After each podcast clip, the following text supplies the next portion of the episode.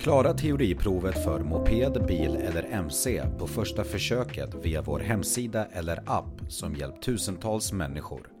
Besök körkortssidan.se och börja redan idag. Körfält och vägar. Vägar delas upp i sektionerna väg, körbana, körfält och vägren. Vägar är indelade i olika typer såsom allmän väg, enskild väg och motorväg samt motortrafikled. Mopeder och andra långsamtgående fordon är inte tillåtna att användas på motorvägar och motortrafikleder. Som mopedförare ska du följa vissa regler. Först och främst ska du hålla dig till höger i körfältet för att underlätta för andra fordon. Om du ska svänga vänster i en korsning ska du däremot placera dig i mitten av körfältet och använda blinkers.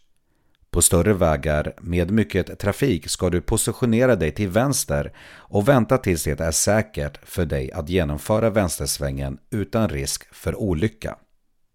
Hastigheter Ju snabbare du kör desto större är risken för allvarliga skador om du råkar ut för en olycka.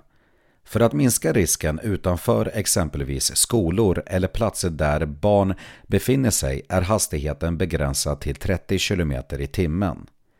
Ditt val av hastighet signalerar vilka avsikter du har mot medtrafikanter.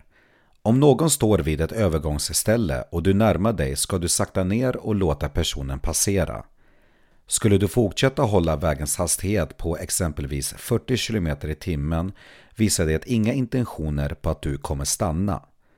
Genom att sakta ner visar du att du kommer låta personen passera.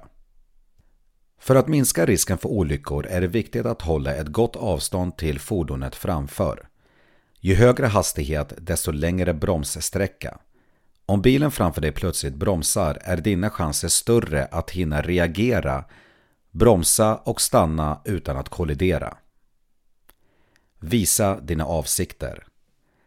Visa dina avsikter till medtrafikanter genom att använda blinkers när du ska svänga, byta fil eller förflytta dig i sidled. Tutan eller ljudsignalen. Tutan ska användas för att undvika faror. Används den på fel sätt kan den skapa distraktion och istället leda till fara. Tutan ska heller aldrig användas bland hästar och ryttare eftersom de kan reagera på ett illavarslande sätt.